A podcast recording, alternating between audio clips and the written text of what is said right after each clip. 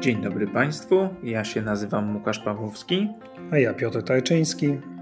I zapraszamy na kolejny odcinek podcastu amerykańskiego.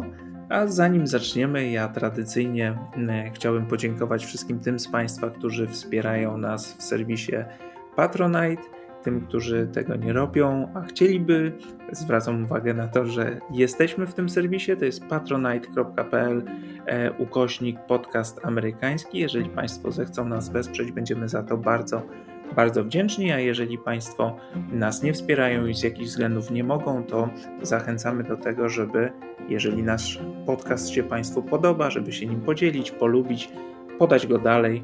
Także będziemy za to bardzo, bardzo wdzięczni. A teraz przechodzimy już do dzisiejszego tematu. Piotr, co będzie tym tematem albo tymi tematami?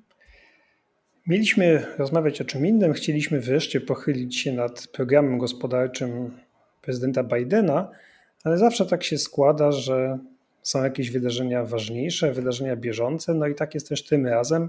Mm, mam nadzieję, że o Bidenie porozmawiamy za tydzień, a dziś porozmawiamy znowu o republikanach, bo każdy dzień jest dobry, żeby rozmawiać o republikanach e, i o kilku ważnych postaciach tej partii, bo, bo dzieją się rzeczy ciekawe. Porozmawiamy o Mitchu McConnellu, o Donaldzie Trumpie niestety, o senatorze Tedzie Cruzie z Teksasu i o tym, co dzieje się w Teksasie, a także o pewnej postaci e, bardzo ważnej dla historii Partii Republikańskiej, o której może nie wszyscy słyszeli, ale jest to, e, gwarantujemy Państwu, jedna z najważniejszych osób w ostatniej historii Partii Republikańskiej, właśnie zmarłym Rashu Limbaugh. Ja mam nadzieję, że rzeczywiście za tydzień wrócimy do, czy przejdziemy do demokratów e, i do planów Bidena, bo będziemy wreszcie mogli trochę demokratów pokrytykować, a jednocześnie mamy już wybranych e, republikanów, czy może na razie jednego republikanina, albo niewielką grupę republikanów, którą chcielibyśmy pochwalić za ich e, konkretną pracę w roli legislatorów za propozycje, z jakimi wychodzą. Ale to mam nadzieję będzie za tydzień. No to przejdźmy do tego, co dzieje się teraz.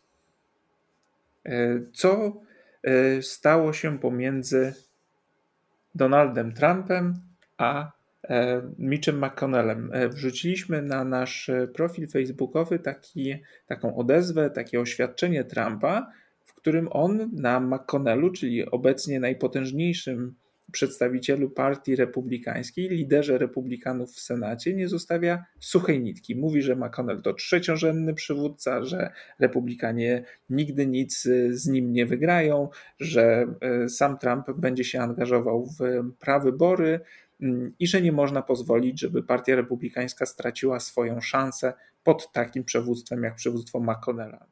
Trump dodał jeszcze, że Mitch McConnell jest ponurym, skwaszonym, nieuśmiechniętym politykiem, e, a jak wiemy z nieoficjalnych źródeł, chciał jeszcze dodać coś o tym, że Mitch McConnell ma za dużo podbródków, a za mało inteligencji, ale podobno przekonano go do tego, żeby e, już te obelgi sobie darował.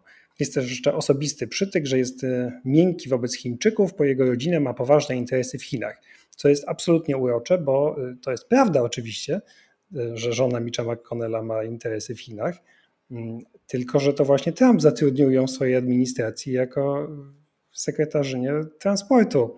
A teraz nagle jest to e, jakiś problem z Mitchem McConnellem. Ale rzeczywiście e, atak na McConnella jest e, no, potężny, nie jest zaskakujący. To jest o tyle ciekawe, że od kiedy Trump stracił swojego Twittera i nie może już tweetować codziennie 30 rzeczy, to wszystko, co opublikuje jakimiś innymi metodami, bo to oświadczenie wydał poprzez swój super PAC Save America, mam wrażenie jest ważniejsze i to jest jakby działa nawet na jego korzyść. Nigdy nie wiedział, że mniej znaczy więcej, ale w tym przypadku tak jest. Oświadczenia Trumpa wydawane raz na kilka tygodni okazują się znacznie potężniejsze i znacznie szerzej komentowane niż kiedy on po prostu z prędkością karabinu maszynowego wrzucał jakieś obelgi na Twittera. No ale wróćmy do tego, dlaczego Trump to zrobił, bo przecież McConnell e, kilka dni wcześniej zagłosował za uniewinnieniem Trumpa.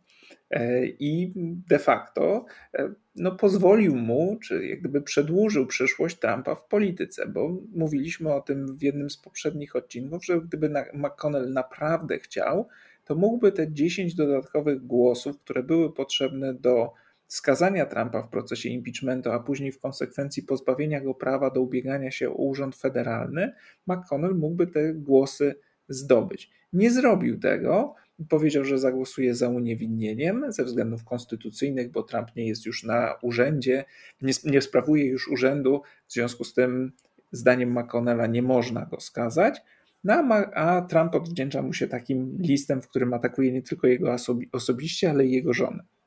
No tak, ale Mitch McConnell z jednej strony zagłosował za uniewinnieniem Trumpa, a potem wystąpił z przemową, w której de facto przyznał rację demokratom i powiedział, że to jest wszystko prawda i że prezydent bezdyskusyjnie ponosi odpowiedzialność jest winny wydarzeniom za 6 stycznia i rzeczywiście podburzył tłum. No i to wszystko jest de facto wszystko, co oskarżenie powiedziało, to ja się z tym zgadzam, ale nic z tym nie możemy zrobić, no bo prezydent Trump nie jest już prezydentem, ale istnieją przecież sądy, istnieje odpowiedzialność karna, istnieje odpowiedzialność cywilna. E, no więc to było zupełnie oczywiste, że po takim e, zachowaniu Trump odpowie. To znaczy, to jest dla mnie zupełnie niezrozumiałe, jak Mitch McConnell mógł sądzić, że to mu ujdzie na sucho. To znaczy, że Donald Trump przełknie zniewagę i na nią nie zareaguje, tylko dlatego, że nie ma Twittera. To było zupełnie oczywiste, że, y, że to jest taki typ człowieka. Trump całą swoją karierą nam to pokazywał, że jeśli ktoś powie o nim coś niemiłego, to on odpowie po prostu trzykrotnie, zawsze się odwinie. Nie wiem, dlaczego McConnell sądził, że Trump się nie odwinie i że, nie wiem, doceni fakt, że został uniewinniony, skądże znowu. I ja też do końca tego nie rozumiem, bo wydaje mi się, że republikanie mieli ogromną szansę. Wspominaliśmy o tym, podano im Trumpa na tacy, demokraci wyświadczyli im de facto dużą przysługę, e, pozwalając skazać Trumpa, pozbawić go szansy na przyszłość w polityce i w ten sposób oddalić to zagrożenie od partii republikańskiej. A republikanie z tej szansy nie skorzystali. Moim zdaniem najlepszym rozwiązaniem byłoby Trumpa, mówiąc brutalnie, dobić, a następnie wystawić mu pomnik. To znaczy powiedzieć, że e, to źli liberałowie pozbawili czy zaatakowali, zaszczuli nam prezydenta, nie udało się go uchronić, ale teraz będziemy walczyć o przedłużenie jego dziedzictwa, czy o to, o co on walczył wcześniej, ale jednocześnie bez niego. Natomiast to, co zrobił McConnell, jest dla mnie kompletnie niezrozumiałe i może w najbliższych miesiącach udowodni nam, że jest E, znacznie od nas mądrzejszy i jest, stoi za tym jakiś plan, ale na razie absolutnie go nie widzę, bo z tego co obserwujemy, to ta wojna w ramach Partii Republikańskiej, ona się tylko zaostrza i słyszymy o kolejnych lokalnych, stanowych oddziałach partii, które przypuszczają ataki na tych republikanów, którzy albo w Senacie zagłosowali za skazaniem Trumpa, albo jeszcze w Izbie Reprezentantów głosowali za tym, żeby tę procedurę impeachmentu w ogóle uruchomić i nic nie wskazuje na to, żeby te e, nastroje miały się uspokoić, szczególnie po takim liście jak ten list Trumpa, w którym on otwarcie mówi, że będzie wspierał tylko tych kandydatów, którzy chcą uczynić Amerykę wielką, czyli będzie wspierał jakichś konkurentów dla tak zwanych establishmentowych republikanów, czy tych, którzy jakoś się Trumpowi gdzieś sprzeciwili. No tak, a na to McConnell mówi, że on będzie popierał tych, którzy mają szansę na wygraną, i pewnie niektóre osoby będzie prezydent y, lubił, a innych nie będzie, ale jego to nie obchodzi. On dba tylko o wybieralność.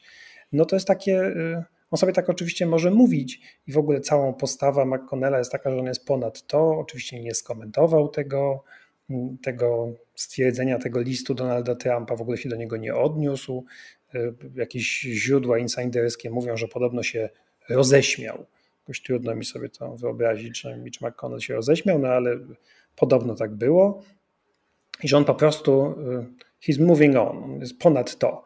No to jest takie gadanie, znaczy Mitch McConnell może być ponad to, ale to jest tak jakby Titanic był ponad to po zderzeniu z górą lodową. No, Titanic nie zważa na górę lodową, tylko płynie dalej. Znaczy no powodzenia, ale, mm, ale Donald Trump jest de facto szefem tej partii i to pokazują ostatnie ostatnie badania i ostatnie zachowania właśnie tych lokalnych na przykład y, oddziałów y, partii republikańskiej. To znaczy mainstream przegrał tę wojnę o duszę partii. Mm, zawsze był na gorszej w gorszej pozycji, ale wydaje mi się, że widać wyraźnie, że baza i w ogóle partia powiedziała nie, jesteśmy z Trumpem, a nie z McConnellem. E, to Trump jest przyszłością, na niego stawiamy, e, a nie na McConnella, więc e, no cóż Mitch, powodzenia. No, takim miernikiem tej, tych nastrojów w Partii Republikańskiej jest nasz e, ulubiony i niezawodny senator Lindsey Graham, który, jak przypominaliśmy nieraz, początkowo, e, zanim jeszcze Trump został kandydatem na prezydenta, krytykował Trumpa, później był przez e, wiele lat, przez cały okres jego prezydentury najwierniejszym totum fackim Trumpa. Później odsunął się od niego, kiedy po ataku z 6 stycznia ale teraz znowu Trumpa broni i twierdzi, i mówił to na antenie Fox News, że Partia Republikańska bez poparcia Trumpa nie ma żadnych szans na odzyskanie większości mm, w Izbie Reprezentantów czy e, w Senacie. Trumpa oczywiście popiera także jego były doradca e, uniewinniony mm, przez prezydenta jeszcze przed odejściem, czyli Steve Bannon, a więc zapowiada się naprawdę poważna walka w ramach Partii Republikańskiej. No i też dodajmy, że w tym e, liście Trumpa było, znalazło się całkiem wyraźne zaproszenie, ja to tak interpretuję, do, do takich idów marcowych. Znaczy to jest, bardzo zachęcam do wbijania noży w Mitcha McConnella, bo tam jest wyraźnie powiedziane, że z takim przywódcą nie mamy żadnych szans na wygraną, e, czyli musimy zmienić przywódcę, musimy zmienić lidera w Senacie, no więc jakby zapraszam. I tu się zastanawiam, czy na przykład Lindsey Graham nie ma takich ambicji, czy to trochę nie o to chodzi, że Lindsey wysiuda Micza i, i liczy na to, że e, klub republikański w Senacie niezadowolony z Mitcha McConnella i z tego, jak rozegrał całą sprawę impeachmentu, a zgadzasz się przecież, że rozegrał ją, no właśnie, dziwnie i nic tak naprawdę nie ugrał, e, czy po prostu nie chodzi o to, żeby wysiadać McConnella z jego stanowiska lidera mniejszości. Ale to nie zmienia faktu, że taka partia, która wewnętrznie jest tak bardzo skłócona, no nie ma specjalnych szans na powodzenie w kolejnych wyborach, które już przecież za, za dwa lata, a więc właściwie zaraz. I biorąc pod uwagę jeszcze prawybory, w których Trump będzie popierał swoich kandydatów, to oznacza taką permanentną wojnę w ramach Partii Republikańskiej. Tym bardziej, jak już wspomniałem, że te stanowe reprezentacje, te stanowe partie e, odcinają się i zapowiadają rzucanie wyzwań tym senatorom i kongresmenom, którzy Trumpowi się sprzeciwili lub byli mu nie dość wierni. No to zapowiada nam nieustanną jatkę w ramach e, Partii Republikańskiej. No tak, tylko że w wyborach za dwa lata rzeczywiście wszyscy kongresmeni, wszyscy członkowie Izby Reprezentantów będą się ubiegać o reelekcję, więc tam będzie jadka, ale w Senacie jadki nie będzie, dlatego że ci, którzy zagłosowali przeciw Trumpowi, to albo mają przed sobą 5 lat spokojnej kadencji i liczą na to, że za te 5 lat to już będzie zupełnie inaczej, że będzie inna partia, inne będzie po wyborach z 24 i tak dalej.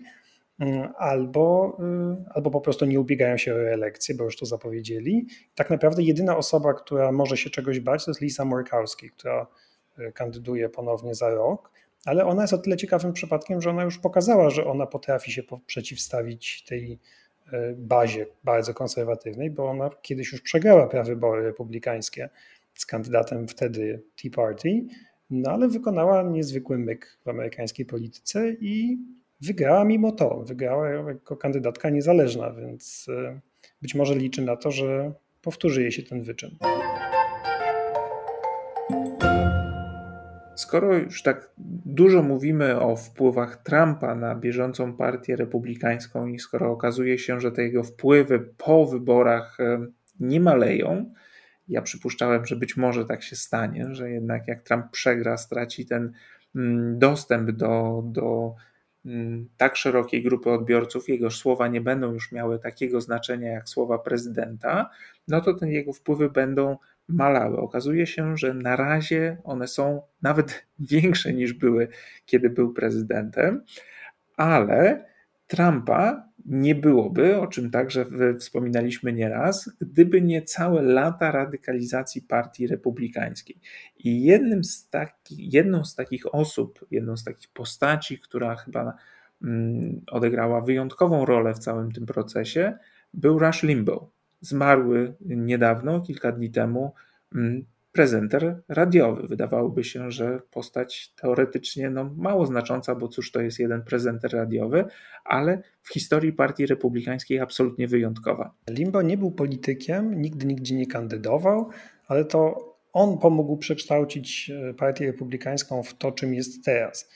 E, w jednym z odcinków opowiadaliśmy o ewolucji partii republikańskiej, która z względnie centrowej, jakiejś umiarkowanej instytucji stała się radykalnie prawicowa i w gruncie rzeczy ekstremistyczną partią, taką jaką jest teraz, ale mm, Rush Limbaugh miał dopiero 70 lat, ale on był w, prowadził programy radiowe od lat 70., ale to właśnie w latach 80., e, w czasach prezydent, pod koniec prezydentury Reagana, mm, Rush Limbaugh stworzył to, co dzisiaj obserwujemy i to, co dzisiaj, tym, czym dzisiaj jest Fox News de facto, to znaczy sojusz partyjnej ekstremy, republikańskiej ekstremy z mediami. Tylko, że to, co w Fox News jest w formie telewizyjnej, mm, to jest dopiero jakby udoskonalenie tego, co zapoczątkował Rush Limbaugh w radiu. W roku 1987 wyeliminowano sprawę taką zasadę fairness doctrine, czyli e, regulację, która wymagała od e, nadawców, od prowadzących, aby do swoich programów e, zapraszali przedstawicieli różnych stron lub prezentowali różne poglądy na daną sprawę, a więc ci prezenterzy radiowi, którzy do tej pory byli po prostu takimi pewnie dość nudnymi wywiadującymi, czyli takimi postaciami, które po prostu zadawały pytania i niespecjalnie się wyróżniały, e, teraz mogły się stać mm, osobami, które prezentują tylko i wyłącznie swoje poglądy. I dla mnie, jak czytam sobie o karierze Rasha Limbo, to on był prekursorem live'ów na Facebooku. To znaczy, on miał trzygodzinne audycje radiowe, do których bardzo często nie zapraszał nikogo, to znaczy tam nie było jakichś telefonów od e, słuchaczy, a przynajmniej nie zawsze. I on potrafił przez kilka godzin opowiadać e, o tym, co myśli. E, no, bardzo często w, w luźnym związku z faktami, mówił w sposób kontrowersyjny, mówił w sposób jednoznaczny, tłumaczył swoim słuchaczom świat na sposób prawicowy. Wszystko to, co robiła lewica, to, co robili liberałowie, było złe, szkodliwe mm, i miało za zadanie jak gdyby podważyć wielkość Ameryki. E, pełno było w tych jego mm, audycjach kontrowersyjnych wypowiedzi. Jeżeli Państwo znają taki termin jak feminazistki, to jest Rush Limbaugh. Potrafił powiedzieć o tym, czy mówił o tym przez lata, że oczywiście Barack Obama nie jest e, politykiem urodzonym w Stanach Zjednoczonych, a więc nie powinien być e, prezydentem. Mówił o tym, że mm, wybory, te ostatnie wybory były wyborami sfałszowanymi, czyli podtrzymywał tą narrację Trumpa. E, potrafił mówić o tym, że mm, to jedno z moich ulubionych określeń, które znalazłem w New York Timesie, cytujące właśnie Limbo, że osoby, które na przykład starają się o pomoc dla e, bezdomnych Amerykanów, to są faszyści współczucia. Bardzo ładne. E, bronił e, znaczy te osoby, które bronią praw do wyboru, praw aborcyjnych, to są te feminazistki, z kolei zwolennicy ochrony środowiska, to są świry obściskujące, obściskujące drzewa i tak dalej, i tak dalej. Potrafił naśmiewać się, mm, to były teksty rasistowskie, to były teksty seksistowskie i tak dalej, i tak dalej. I dzięki temu budował sobie gigantyczną publiczność. 20 milionów ludzi, a nawet więcej, słuchało go na ponad 500 lokalnych radiostacjach, gdzie jego program był emitowany. Wszystko to, co powiedziałeś, y, to jest coś, co dzisiejsi obserwatorzy amerykańskiej polityki znają z Fox News na przykład. I to nie jest aż tak kontrowersyjne dziś, jak było w latach późnych 80. i wczesnych 90., kiedy Limbo zaczynał. Taki język był e, niespotykany w debacie publicznej, właśnie z powodu tej doktryny uczciwości, o której powiedziałeś. E, I Limbo, kiedy on zaczął być z lokalnego prezentera stacji radiowej w Kalifornii, bo on tam zaczynał, e, zaczął być emitowany w całym kraju, w lokalnych stacjach przez te trzy godziny po południu to był szok. To znaczy, takiego języka nikt nie używał. Nikt nie używał w mediach, y, nikt nie mówił, nie demonizował przeciwnika w taki sposób, jak robił to Limbo. Tylko, że okazało się, że on trafił y, na złotą żyłę. To znaczy, to, okazało się, że istnieje cały segment widowni czy też słuchaczy, którzy czegoś takiego oczekują. Resentyment białych mężczyzn przeciw tej politycznej poprawności, bo to był ulubiony cel ataków Limbo przeciwko feministkom, przeciwko Afroamerykanom, przeciwko gejom. On miał w, na swoim koncie też naśmiewanie się z, z ofiar AIDS. Taki miał segment przez kilka tygodni, w którym mm, miał AIDS Update, w którym informował, ilu gejów zmarło i czytał ich nazwiska i puszczał zabawne piosenki. To, to naprawdę był okropny człowiek, ale był tak szalenie popularny, że w latach 90., na początku lat 90., wprowadził cały nowy język do debaty publicznej. Newt Gingrich, o którym mówiliśmy, lider republikanów w Izbie Reprezentantów, który w 1994 roku zdołał odebrać demokratom kontrolę nad, y, nad Kongresem, nad Izbą Reprezentantów. To były te wybory w połowie kadencji Clintona, kiedy, kiedy to był gigantyczny sukces republikanów. Nie krył się z tym, że to jest coś, co republikanie zawdzięczają Rushowi Limbaugh właśnie mm, temu, że on po prostu przez te trzy godziny codziennie nadawał, e, atakował Clintonów, atakował demokratów, e, demonizował liberałów. Do tego stopnia, że kiedy już republikanie zwyciężyli w wyborach 1994 roku, to Limbaugh został honorowym członkiem klubu Partii Republikańskiej w Izbie Reprezentantów. Przynajmniej go docenili za to, co zrobił.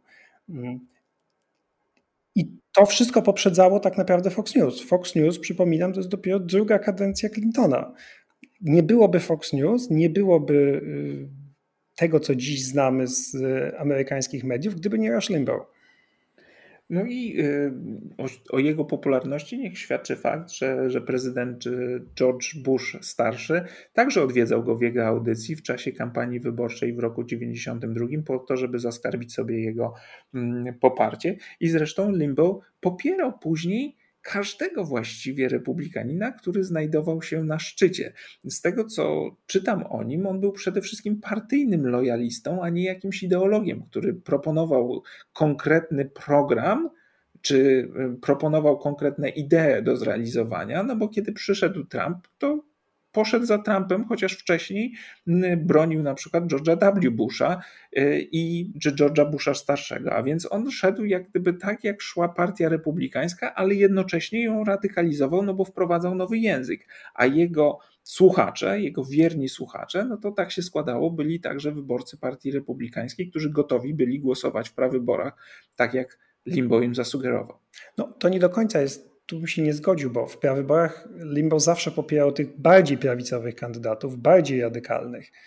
Kiedy George Bush senior, który był, e, czego Państwo nie pamiętają, ale był prezydentem znacznie bardziej e, liberalnym niż, e, niż późniejsi republikanie, to nie był wymarzony kandydat Limbo, ale Limbo go wreszcie poparł, no bo jak powiedziałeś, był partyjnym lojalistą ale Limbaugh nie popierał McCaina w 2008 roku w prawyborach, chciał kogoś bardziej prawicowego, ale ostatecznie się ugiął, poparł McCaina. Nie popierał Romneya w 2012, tylko chciał kogoś bardziej, chyba Newta Gingricha, ale i tak jakby Trumpa też nie popierał początkowo. Więc rzeczywiście generalnie zgadzał się, że republikanie są lepsi niż demokraci, ale y, i radykalizował partię republikańską coraz bardziej, ale zawsze chciał kogoś bardziej prawicowego. Tylko co to znaczy Piotr prawicowego? No bo y, prawicowy w latach 90. był ktoś inny, czy jak gdyby to było coś innego niż y, prawicowy Trump, który, mm.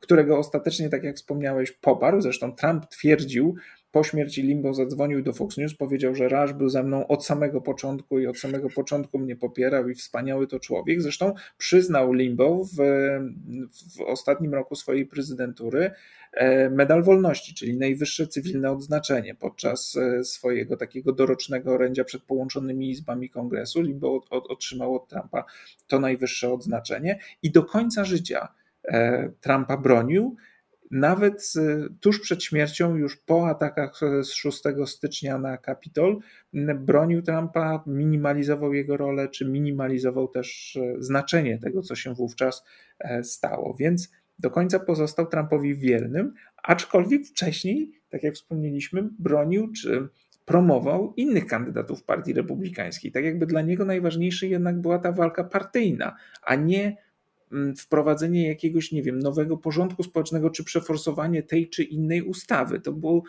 mm, mam wrażenie, że to było promowanie pewnego ogólnego światopoglądu, tak jak mówiliśmy, tego resentymentu, czy tego, mm, no, takiego no, białego suprematyzmu jednak, a ale kiedy zmieniała się ta partia republikańska, to on szedł razem z nią, jednocześnie posuwając ją coraz bardziej w takim kierunku radykalnym i właściwie trudnym do ocenienia, bo to nie jest już partia konserwatywna, to jest partia rewolucyjna, nie, nieraz o tym mówiliśmy, ale on y, jednocześnie przesuwał ją w prawo i popierał tego, kto akurat był na czele tej partii. No tak, znaczy Trump jest ucieleśnieniem dokładnie tego, o co walczył świadomie lub nie Rush Limbaugh. To znaczy, to jest. Y, Trumpizm był kiedyś takim limboizmem. Połączenie rozrywki z polityką to jest przecież czysty Trump.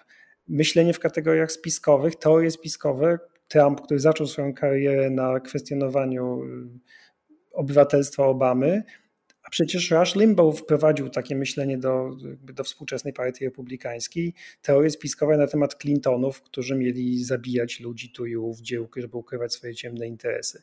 Nieustanne obrażanie i inwektywy. Rush Limbaugh był mistrzem inwektyw, tak samo jak Donald Trump. Y, więc znaczy myślę, że stąd y, ta obrona Trumpa do samego końca, ale też przede wszystkim wydaje mi się, że Rush Limbaugh nie miał poglądów, y, rzeczywiście zdefiniowanych poglądów nie wiem, gospodarczych, na przykład, poza tym, że generalnie, jak wiemy, podatki niedobre, państwo złe, ale raczej chodziło o to, żeby dowalić demokratom i dowalić liberałom, tak? Czy żeby liberałom było przykro. To jest łzy liberałów. To jest absolutnie najważniejsza doktryna, którą kierował się Rush Limbaugh i którą, jak się wydaje, kieruje się partia republikańska w, od, w ciągu ostatnich 20 lat mniej więcej. E, oczywiście dodajmy, że Rush Limbaugh przy tym wszystkim był e, antyestablishmentowym nie chcę powiedzieć dziennikarzem, bo on nie był dziennikarzem, no ale prezenterem, tak? Był antyestablishmentowcem, y, który pomstował na bogaczy w partii demokratycznej, którzy nie rozumieją zwykłych ludzi. Był to facet, który oczywiście, bo to zawsze tak jest, miał prywatny odrzutowiec i 600 milionów dolarów na koncie, czyli pewnie nawet więcej niż Donald Trump. No. Czyli nie wiemy, ile ma Trump na koncie, bo nie ma zeznań podatkowych, ale był to oczywiście no, niezwykle bogaty człowiek, który zrobił fortunę, e, pochodzący zresztą z dobrej rodziny, e, obrońca moralności, oczywiście z czterema żonami, no bo każdy porządny republikański obrońca moralności ma albo jakieś kilka żon, albo kochankę. Znaczy hipokryzja tych ludzi jest, jest niebywała naprawdę. No i jeszcze jakby coś tutaj dodać, to mm, jedna z e, takich tematów, które się w audycjach Nimbo powtarzał, to była walka z narkotykami i wezwanie do surowego karania tych, którzy narkotyków nadużywają, sprzedają. Sam był uzależniony od opioidów i e, wykorzystywał mm, fałszywe recepty po to, żeby zdobyć dla siebie leki, za co zresztą musiał trafić na, na odwyk w ramach, e, w ramach kary, którą mu zasądzono. Później się oczywiście do tego przyznał przed swoimi słuchaczami, którzy mu to wybaczyli. Ale tak jak Piotr powiedział, to, to sprawienie przykrości drugiej stronie, to zgnojenie drugiej strony, to było to, na czym skupiał się przede wszystkim. Po angielsku ten termin e, łzy liberałów to jest owning the libs, czyli dowalenie liberałom e, w ramach takiej wojny kulturowej. E, I na tym zrobił fantastyczną karierę. E, to, co możemy o nim dobrego powiedzieć, dawał sporo pieniędzy na organizacje dobroczynne, z tego co przeczytałem, czyli na przykład na organizacje mm, wspomagające dzieci policjantów, którzy zginęli na służbie. Mm, I to, to było jedno, albo zostawiał duże też e, napiwki, potrafił zostawić w restauracji nawet 5 tysięcy dolarów. No prawdziwy bohater, który zasługuje na prezydencki medal wolności, najwyższe odznaczenie cywilne w Stanach. Ale problem polega na tym, że Rush Limbaugh nie tylko zmienił partię republikańską, ale też zmienił media. To, o czym mówiliśmy w odcinku o mediach, kiedy omawialiśmy książkę Mata Tajbiego, e, czyli to połączenie polityki z rozrywką i że dziennikarstwo nie jest już dziennikarstwem, tylko rozrywką, to jest też po części dziedzictwo Rusha Limbaugh, mm, które potem znalazło swoje ucieleśnienie w Fox News. I ci wszyscy y, gadające głowy z Fox News, które znamy dziś, czy z minionych lat, typu Bill O'Reilly, czy Sean Hannity, czy najnowsza gwiazda, największa gwiazda Fox News, czyli Tucker Carlson, to są wszystko spadkobiercy Rusha Limbaugh. To są ludzie, którzy nie kryją się z inspiracją Limbaugh, dla których Limbaugh był bohaterem i którzy zasadniczo robią to samo co on, to znaczy zaoranie demokratów i liberałów, powtarzanie tych samych, czy mijanie się z faktami to jest też typowe, czy fakty nie mają specjalnego znaczenia. Tutaj Tucker Carlson to jest mistrz absolutnie gadania bredni, które nie mają żadnego pokrycia w faktach, ale to nie ma żadnego znaczenia. Tucker Carlson to jest najnowsza gwiazda Fox News, który, czy on jest w Fox News od pewnego czasu, ale teraz dostał przedłużenie kontraktu, nowe programy, na niego stawia telewizja Fox. Jest to gorsza, głupsza wersja Rasha Limbo. O, bo tu dobra rzecz, która można powiedzieć o Limbo, że Limbo był inteligentny. To rzeczywiście trzeba mu oddać. Co do Takera Carlsona nie mam już takiej pewności. O Carlsonie Państwo jeszcze na pewno usłyszycie, dlatego że to jest y, człowiek, który podobno planuje kampanię prezydencką w 2024 roku, ale w nim jak w soczewce widać to, y, jaki jest mainstream obecnie partii republikańskiej, w co wierzą republikanie. To jest człowiek, który powtarza QAnonowe brednie, który powtarza, że na przykład George Floyd nie został wcale uduszony przez policjanta, tylko przedawkował leki, opowiada o tym, że, że szczepionki nie są wcale bezpieczne i skąd wiemy, że szczepionka na COVID jest, jest no właśnie, że można, ją, można się nią szczepić. Równocześnie jest antyelitarystą, jak każdy syn ambasadora i dziedzic fortuny Kurczaków, bo taką jest osobą, która zarabia 10 milionów dolarów rocznie, głos wykluczonych po prostu. To jest to, co mówiliśmy, performance, y, ale ludzie w to wierzą. To znaczy słuchacze Fox News, tak jak słuchacze Russia Limbo w to wierzą, kierują się tym.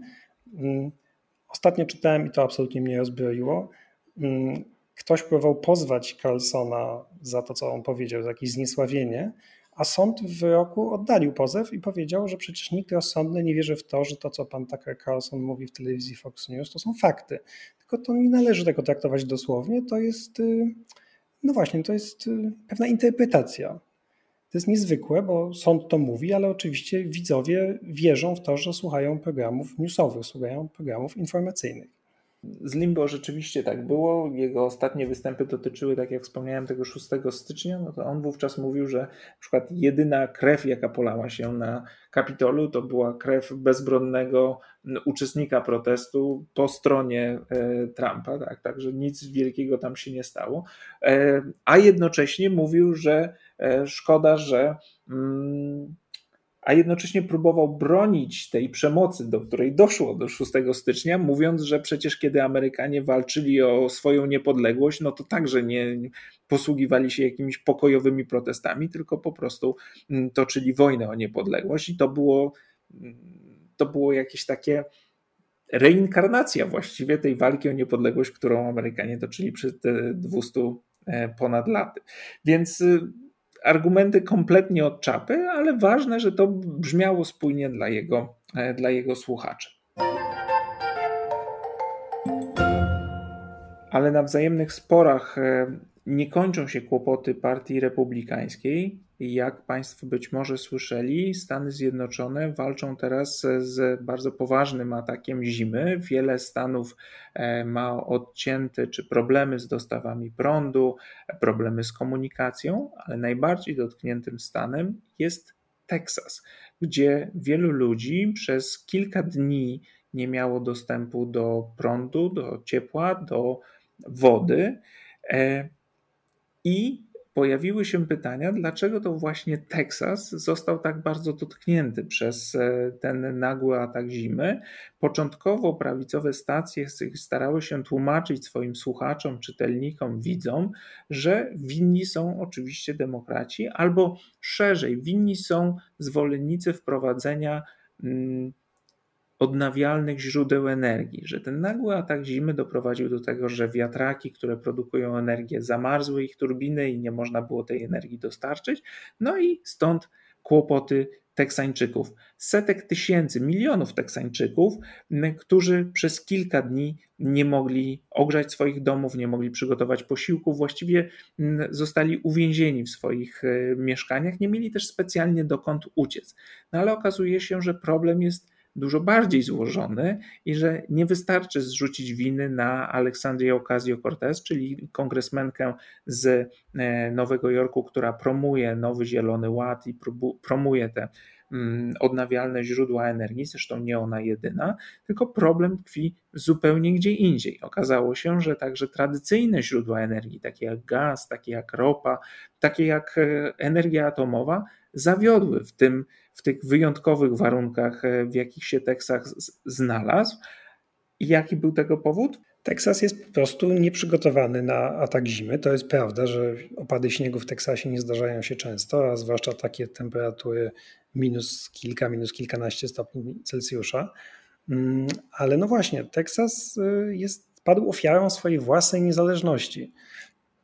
Teksas bowiem, który cały czas powtarza, że jest y, większy niż wszystkie pozostałe stany, że jest e, niezależny, że nie potrzebuje rządu federalnego, nie zadzieraj z Teksasem, pamiętajcie o Alamo i tak dalej, i tak dalej. E, całe to gadanie okazało się niewiele warte, dlatego że ten wielki, niezależny Teksas e, nie radzi sobie z zimą, trochę na własne życzenie. Dodajmy zresztą, że Teksasem od bardzo dawna rządzą niepodzielnie republikanie, więc zrzucanie winy na demokratów którzy y, nie rządzili Teksasem od w XXI wieku jeszcze się im nie zdarzyło, tak powiedzmy. To jest oczywiście y, ściema. Więc kiedy gubernator Greg Abbott, trzeci kolejny republikański gubernator tego stanu, idzie do Fox News i mówi, że to wszystko, te zamarzające turbiny wiatrowe, to nie jest prawda, dlatego że y, Teksas pobiera o tej porze roku, jak się szacuje, tylko 7 do 10% energii z energii wiatrowej, e, głównie zawiodły firmy gazowe i gazociągi, które pozamarzały. A pozamarzały dlatego, że Teksas ma swoją własną sieć energetyczną. Całe Stany podzielone są na trzy sieci energetyczne. Mówimy oczywiście o Stanach kontynentalnych, bo Alaska i Hawaje to co innego, ale Stany dzielą się na wschodnią i zachodnią sieć energetyczną, przydzielone górami skalistymi, i trzecią osobną ma Teksas. Dlaczego Teksas ma swoją sieć energetyczną? Nie dlatego, że nie da się jej połączyć z jedną z tych pozostałych, tylko dlatego, że Teksas nie chce być połączony do federalnej sieci energetycznej, bo dzięki temu, że ma swoją sieć osobną, nie zachodzi przesył energii między granicami Stanów i nie ma kontroli federalnej. A Teksas nie lubi, jak wiemy, rządu federalnego i nie chce mieć kontroli federalnej, ale to znaczy, że nie chce też mieć zaleceń federalnych. W związku z tym na przykład firmy teksańskie nie mają zapasów energii, nie były przygotowane zupełnie na y, zwiększone zapotrzebowanie na energię elektryczną w zimie. Są przyzwyczajone do tego, że latem jest potrzebne więcej prądu, kiedy trzeba włączyć klimatyzację, a nie zimą. Y, więc nie dało się tak łatwo uzupełnić tych niedoborów, przesyłając prąd między granicami Stanów. Mm, ale też przede wszystkim y, Teksańczycy i ta teksańska kompania energetyczna, firma zajmująca się prądem teksaskim, nie była przygotowana na niskie temperatury. Po prostu nie utrzymywała się w gotowości na ekstremalne warunki pogodowe tą charakterystyczną cechą tej całej sieci energetycznej w Teksasie jest e, jej e, skrajne takie urynkowienie. Tam bardzo wiele firm walczy o klientów. E, dzięki temu faktycznie Teksańczycy mają ceny prądu niższe niż w wielu innych stanach, ale minusem tej walki o klienta jest oczywiście zaniżanie cen, co jest dla klienta korzystne, ale na czymś trzeba oszczędzać. Jedną z tych rzeczy, na których się oszczędza, mm, mówią obecnie eksperci, jest właśnie przygotowanie do ekstremalnych warunków pogodowych. Wiadomo, że jeżeli ktoś zacznie inwestować w magazynowanie energii albo w lepsze przygotowanie sieci przesyłowych po to, żeby one mogły wytrzymać takie ekstremalne warunki pogodowe, no to jeżeli się zacznie w to inwestować, to ktoś musi za to zapłacić, zapłacą za to klienci, a klienci nie chcą płacić drożej, e, więc się tego nie robi. I teraz, jeżeli te ekstremalne warunki pogodowe są czymś wyjątkowym, no to klient może się jeszcze na to zgodzić, jeżeli to się zdarza raz na kilka, kilkanaście lat. Ale jeżeli wraz ze zmianami klimatycznymi tego rodzaju anomalie pogodowe będą się powtarzać często, no to y, Teksas y, jest w bardzo poważnych tarapatach, ale można sobie z tymi tarapatami przecież poradzić, prawda, Piotr? Są tacy politycy teksańscy, którzy jakoś znaleźli rozwiązanie. No tak, tu przechodzimy do naszego, e, jednego z naszych ulubionych bohaterów, senatora Teda Cruza.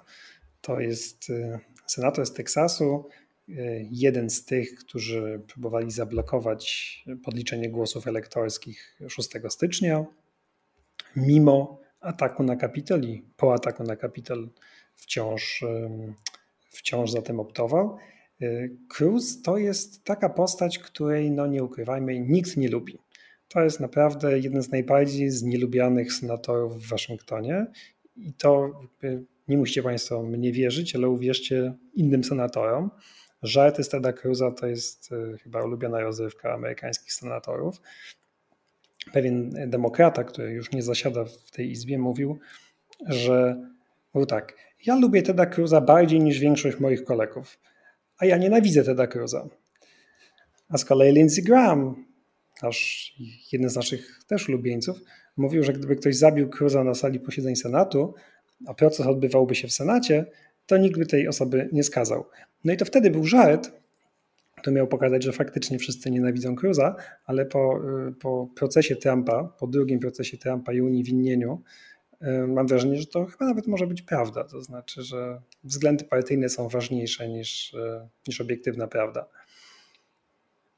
Ale co zrobił Cruz? No, Cruz zrobił coś, co znamy także z naszej polityki, a więc w momencie poważnego kryzysu społecznego, politycznego, humanitarnego zginęło kilkadziesiąt osób już e, z powodu tych mrozów e, w Teksasie. Postanowił wybrać się w cieplejsze miejsce i wyjechał z rodziną do Meksyku no a tak się składa, że na pokładzie samolotu ktoś zrobił mu zdjęcie, posłał to zdjęcie w mediach społecznościowych, no i zaczęła się afera. W momencie, kiedy y, Cruz lądował już y, w Meksyku, wiedział, że ma problem i chociaż planował zostać przez kilka dni, następnego dnia rano e, wracał e, do Stanów Zjednoczonych, ale mleko się już rozlało. No i na e, głowę senatora wylało się fala krytyki za to, że w momencie kryzysu, kiedy Teksańczycy nie mogą wychodzić z domu, kiedy nie mają dostępu do podstawowych mm, jakby usług, e, no, senator po prostu wziął i poleciał na wakacje. Przecież to jest niezwykłe, bo to jest człowiek, który swego czasu nabijał się z Kalifornijczyków, którzy też mieli ekstremalne warunki pogodowe i mieli przerwy w dostawie prądu, tylko że latem, kiedy płonęły lasy w Kalifornii, no to Cruz wtedy wypisywał, że to jest właśnie, proszę bardzo, demokraci nie potrafią rządzić i tak to się dzieje. W Kalifornii nie ma podstawowych usług, podstawowych zdobyczy cywilizacji. I to jest dowód na to, że demokraci się do niczego nie nadają. Po czym w jego własnym stanie, rządzonym przez republikanów, jest dokładnie to samo, tylko że nie latem, a zimą, ale sytuacja jest dokładnie taka sama. To jest facet, który naigrawał się z odnawialnych źródeł energii, oczywiście, który obwiniał o wszystko Aleksandry Ocasio-Cortez który krytykował jakichś lokalnych demokratycznych polityków, którzy w zeszłym roku w czasie pandemii gdzieś opuścili Teksas na chwilę. On mówił, że tak nie wolno, to są hipokryci, którzy zostawiają ludzi na pastwę choroby. Po czym sam zrobił dokładnie to samo i poleciał do Cancun w Meksyku. Znaczy, dla mnie to jest kompletnie niepojęte, jak ktoś, bo to, że to jest hipokryzja, to wiesz, to mnie w ogóle nie dziwi. To znaczy, to, to u Teda Cruza jesteśmy do tego przyzwyczajeni i w ogóle u republikanów to, to jakby chleb. W ogóle w polityce można się do tego przyzwyczaić. No jasne, no ale republikanie dali nam wiele dowodów na to, że mówią jedno, robią drugie i no, to jest zupełnie normalne. Ale jakim trzeba być idiotą? No bo to jakby nie mam już tutaj lepszych określeń, mam dużo gorszych, żeby w momencie, w którym twój stan jest, przeżywa najgorszą katastrofę od lat, wyjeżdżać na wakacje do hotelu Ritz-Carlton, y, tak by to nie pojmuję tego, czy to jest, to jest strzał w stopę, ale to jest na własne życzenie. To znaczy, to jest każdy student politologii by ci to powiedział, człowieku, nie rób tak, czegoś takiego. No dobrze, no ale i tak y, nic złego się Cruzowi na dłuższą metę nie stanie. Wrócił, przeprosił, powiedział, że chciał być dobrym tatą, że córki, które, którym odwołano zajęcia w szkole, no bo w takich warunkach szkoły są zamknięte, córki poprosiły o to, żeby wyjechać z Teksasu, no bo nie dało się normalnie funkcjonować, gdzie nie ma prądu, nie ma wody. No i on, jako dobry ojciec, postanowił tę prośbę spełnić, ale już kiedy wsiadał na pokład samolotu, kiedy mm, samolot startował, to czuł, że może coś jest nie tak. No tak się tłumaczył po powrocie.